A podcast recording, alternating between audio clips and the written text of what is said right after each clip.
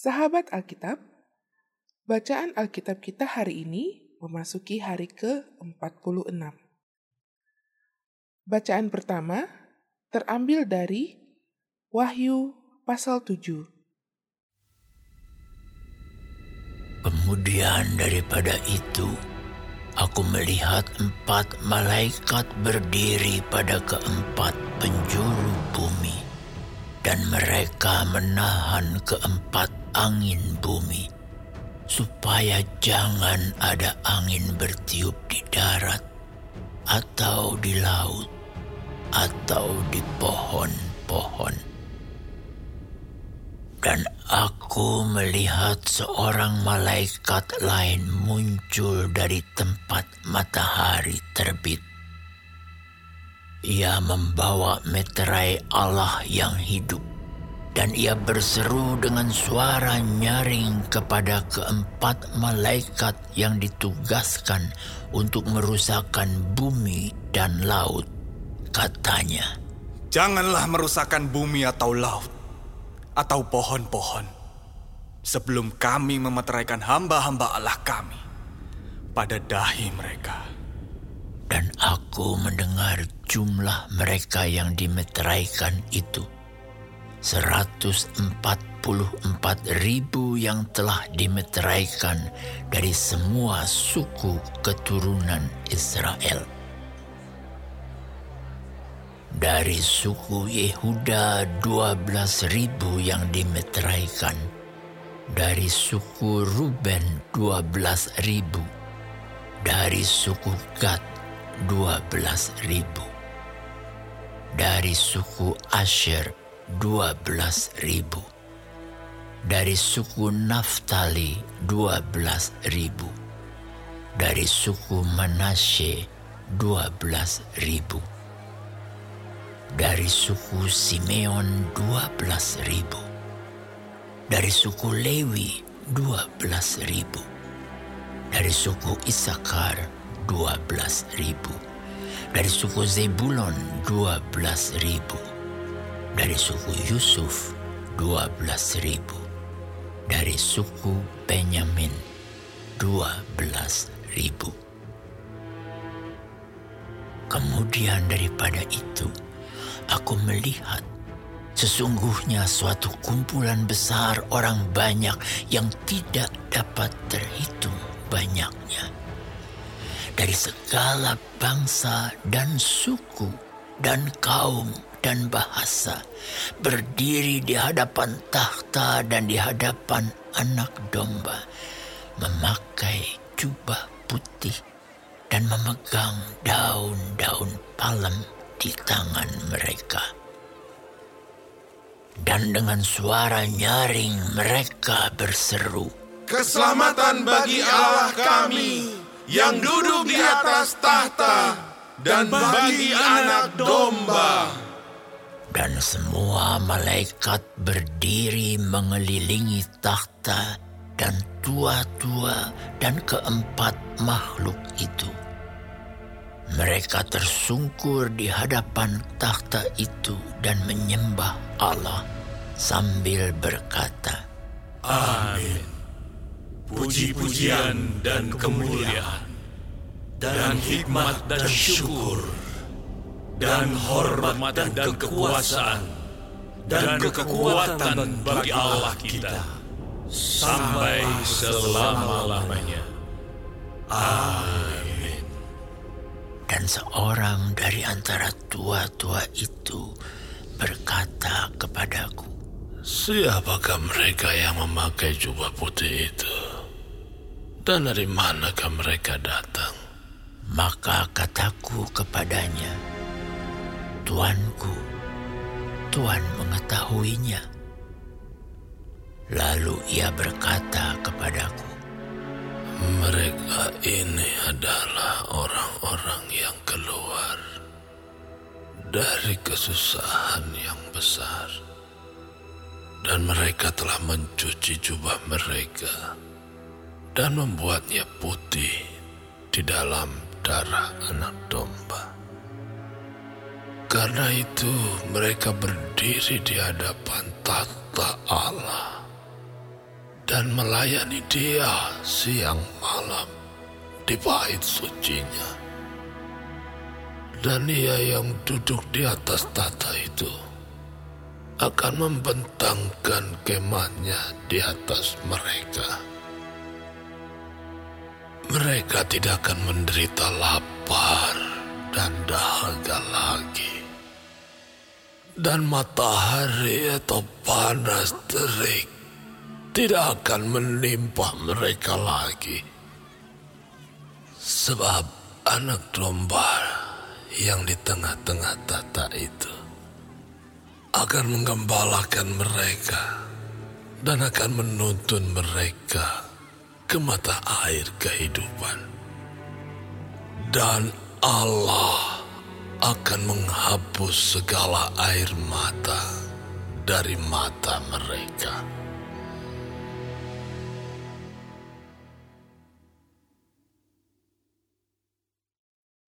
Bacaan kedua terambil dari Nehemia pasal 9 ayat 38 sampai dengan Nehemia pasal 10 ayat 39. Berdasarkan semuanya ini, kami mengikat perjanjian yang teguh yang kami catat dengan dibubuhi meterai para pemimpin kami, orang-orang Lewi kami dan para imam kami.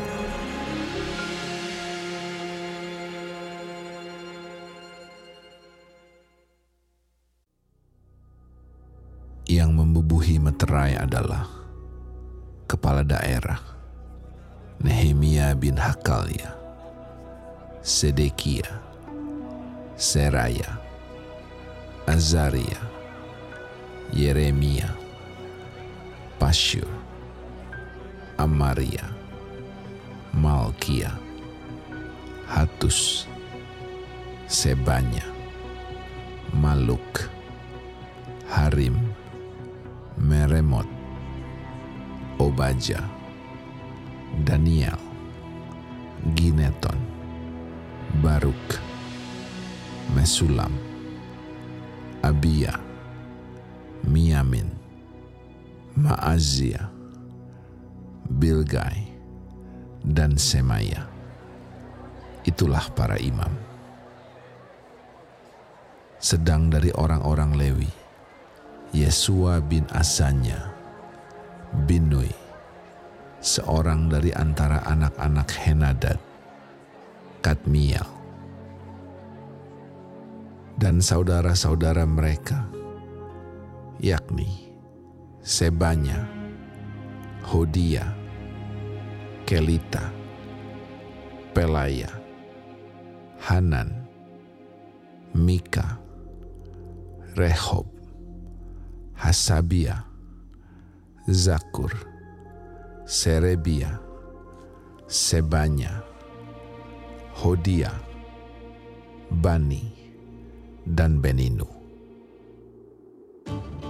Dan dari pemimpin-pemimpin bangsa, Paros, Pahat Moab, Elam, Zatu, Bani, Buni, Azgad, Bebai, Adonai, Bigwai, Adin, Ater, Hizkia, Azur, Hodia, Hasum, Bezai, Harif, Anatot, Nebai, Magbias, Mesulam, Hezir, Mesezabeel, Zadok, Yadua, Pelaca, Hanan,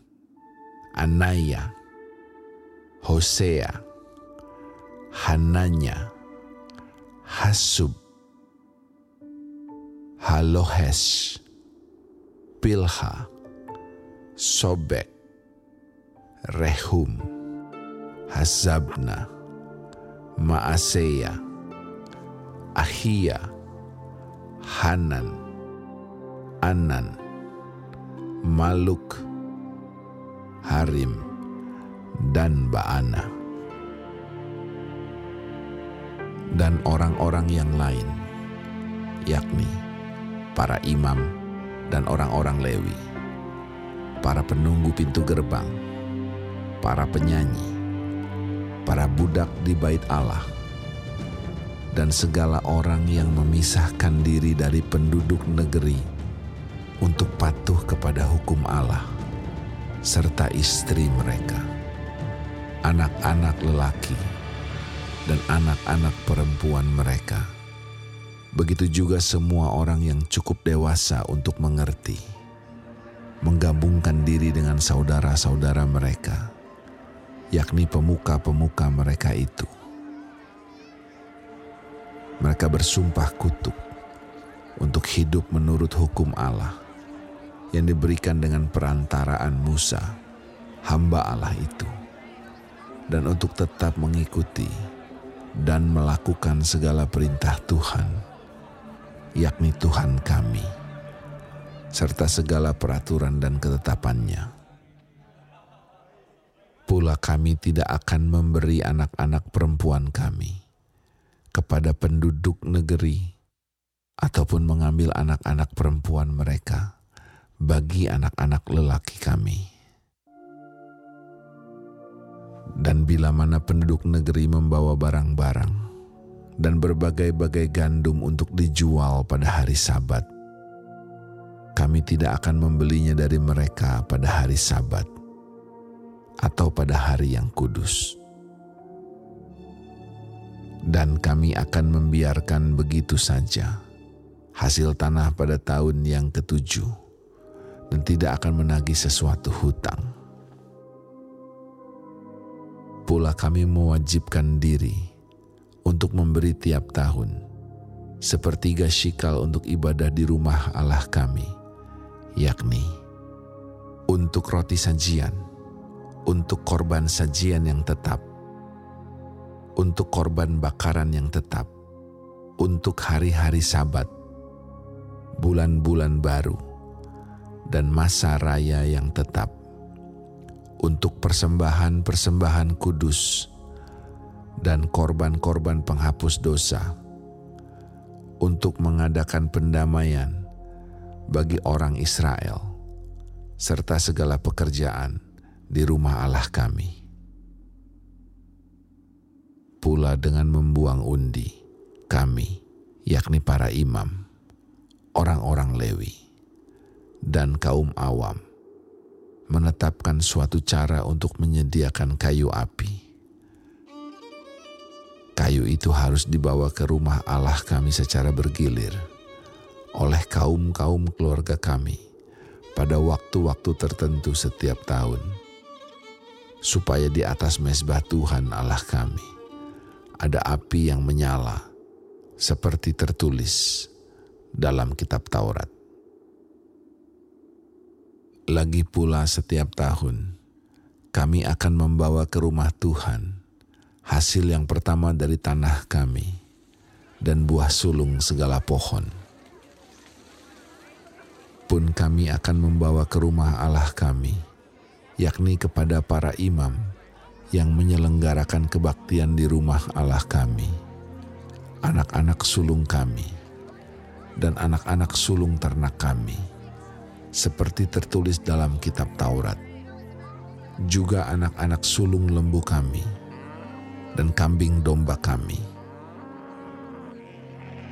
Dan tepung jelai kami yang mula-mula dan persembahan-persembahan khusus kami dan buah segala pohon dan anggur dan minyak akan kami bawa kepada para imam ke bilik-bilik rumah Allah kami dan kepada orang-orang Lewi akan kami bawa persembahan persepuluhan dari tanah kami. Karena orang-orang Lewi inilah yang memungut persembahan-persembahan persepuluhan di segala kota pertanian kami. Seorang imam, anak Harun, akan menyertai orang-orang Lewi itu bila mereka memungut persembahan persepuluhan Dan orang-orang Lewi itu akan membawa persembahan persepuluhan daripada persembahan persepuluhan itu ke rumah Allah kami, ke bilik-bilik rumah perbendaharaan. Karena orang Israel dan orang Lewi harus membawa persembahan khusus daripada gandum, anggur, dan minyak ke bilik-bilik itu.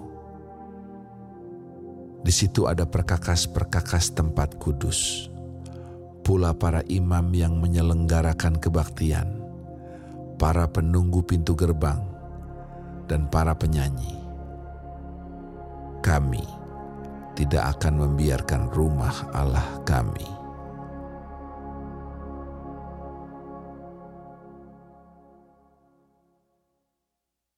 Bacaan ketiga terambil dari Mazmur pasal 102.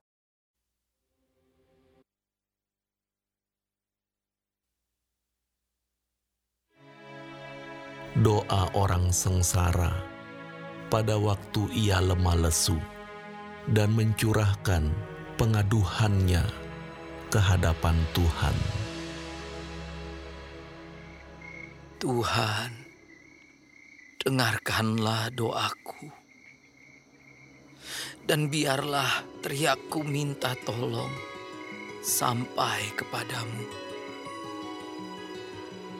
Janganlah sembunyikan wajahmu terhadap aku. Pada hari aku tersesat. Sendengkanlah telingamu kepadaku pada hari aku berseru, segeralah menjawab aku. Sebab hari-hariku habis seperti asap. Tulang-tulangku membara seperti perapian. Hatiku terpukul dan layu seperti rumput. Sehingga aku lupa makan rotiku. Oleh sebab keluhanku yang nyaring, aku tinggal tulang belulang. Aku sudah menyerupai burung undan di padang gurun. Sudah menjadi seperti burung ponggok pada reruntuhan. Aku tak bisa tidur dan sudah menjadi seperti burung terpencil di atas sotoh. Sepanjang hari aku dicela oleh musuh-musuhku. Orang-orang yang mempermainkan aku menyumpah dengan menyebut namaku. Sebab aku makan abu seperti roti dan mencampur minumanku dengan tangisan. Oleh karena marahmu dan gerammu, sebab engkau telah mengangkat aku dan melemparkan aku. Hari-hariku seperti bayang-bayang memanjang, dan aku sendiri layu seperti rumput. Tetapi Engkau, ya Tuhan, bersemayam untuk selama-lamanya dan namamu tetap turun-temurun. Engkau sendiri akan bangun, akan menyayangi Sion, sebab sudah waktunya untuk mengasihaninya. Sudah tiba saatnya. Sebab hamba-hambamu sayang kepada batu-batunya dan merasa kasihan akan debunya. Maka bangsa-bangsa menjadi takut akan nama Tuhan, dan semua raja bumi akan kemuliaanmu. Bila Tuhan sudah membangun Sion, sudah menampakkan diri dalam kemuliaannya sudah berpaling mendengarkan doa orang-orang yang bulus dan tidak memandang hina doa mereka. Biarlah hal ini dituliskan bagi angkatan yang kemudian, dan bangsa yang diciptakan nanti akan memuji-muji Tuhan, sebab Ia telah memandang dari ketinggiannya yang kudus. Tuhan memandang dari sorga ke bumi. Untuk mendengar keluhan orang tahanan, untuk membebaskan orang-orang yang ditentukan mati dibunuh, supaya nama Tuhan diceritakan di Sion. Dan dia dipuji-puji di Yerusalem. Apabila berkumpul bersama-sama bangsa-bangsa dan kerajaan-kerajaan untuk beribadah kepada Tuhan. Ia telah mematahkan kekuatanku di jalan dan memperpendek umurku Aku berkata, "Ya Allahku, janganlah mengambil aku pada pertengahan umurku. Tahun-tahunmu tetap turun-temurun. Dahulu sudah kau letakkan dasar bumi, dan langit adalah buatan tanganmu. Semuanya itu akan binasa, tetapi engkau tetap ada. Dan semuanya itu akan menjadi usang seperti pakaian. Seperti jubah, engkau akan mengubah mereka, dan mereka berubah. Tetapi engkau tetap sama, dan tahun-tahunmu tidak berkesudahan.